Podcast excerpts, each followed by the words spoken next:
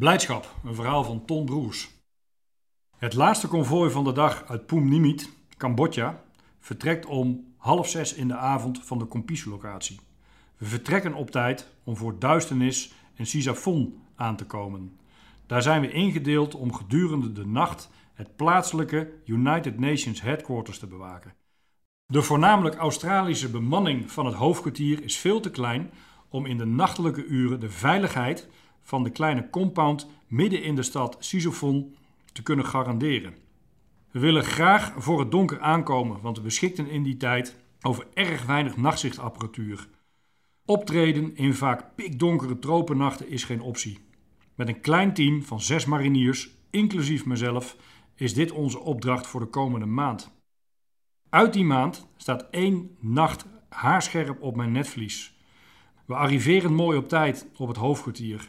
We installeren ons in ons kantoortje waar we ook stretches opzetten en van waaruit wacht wordt gelopen. Twee mariniers zijn gedurende de avond altijd wakker en bemannen de mag-mitrailleuropstelling. Later die avond hoor ik, liggend op mijn stretcher, dat het is gaan regenen. Ik draai me rustig om en prijs mezelf gelukkig dat ik niet buiten op wacht sta. Maar dan hoor ik in de verte geweervuur. Nu is dat niet ongewoon in Cambodja, maar het houdt me wel wakker. Een van de mariniers, die buiten op post stond, komt het vertrek binnen en roept: Corporaal, er wordt op ons geschoten.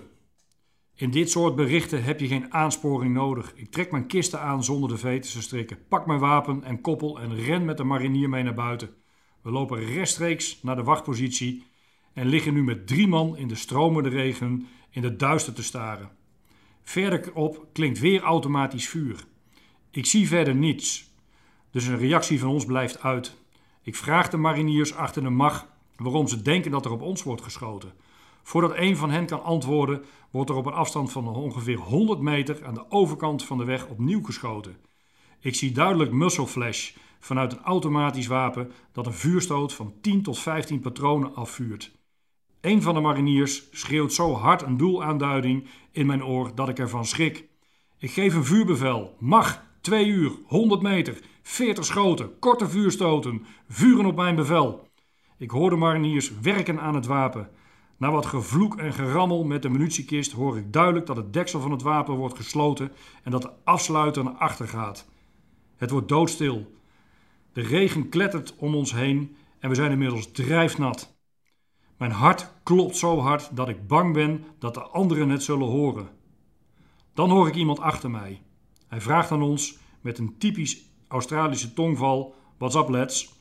Ik deel hem mede dat hij plat moet gaan. Er wordt op ons geschoten. Hij reageerde ontspannen en vertelt dat als het hard regent, de plaatselijke bevolking daar blij mee is en dat ze daarom van blijdschap in de lucht vuren.